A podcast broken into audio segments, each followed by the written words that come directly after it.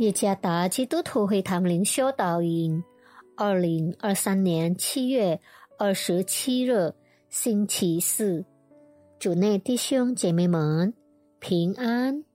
今天的灵修导引，我们会借着圣经希伯来书十三章第五下半节到第六节来思想今天的主题：不用惧怕。作者李米沙牧师，希伯来书十三章第五下半节到第六节，因为主曾说：“我总不撇下你，也不丢弃你。”所以，我们可以放胆说：“主是帮助我的，我必不惧怕。人能把我怎么样呢？”神说：“他是一位永不打盹的保护者。”参看诗篇一百二十一篇。守卫堡垒的士兵可能会在看守的时候感到疲倦并打盹，再强壮的士兵也会有松懈且疏忽了他看守的职责。然而，我们的神。看顾眷佑我们的生命，从不打盹。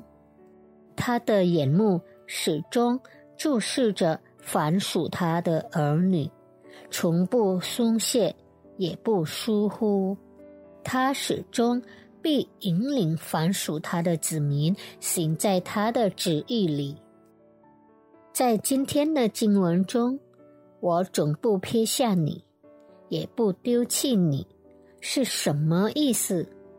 对于那些怀疑神同在的人来说，这种信念经常是个难题。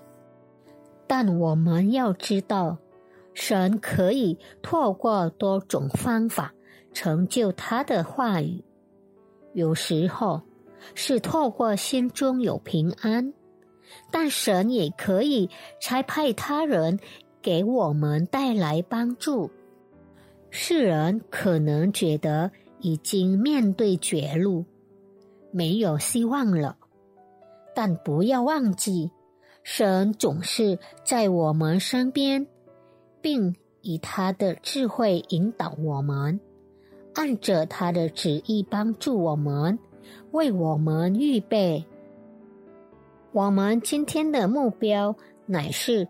遵循他的真理而活，并且不住的在祷告中呼求他。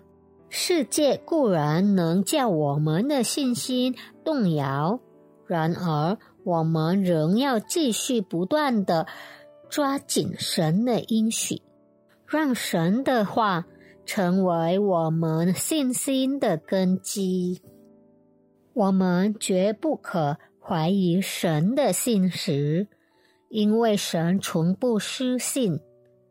愿上帝赐福大家。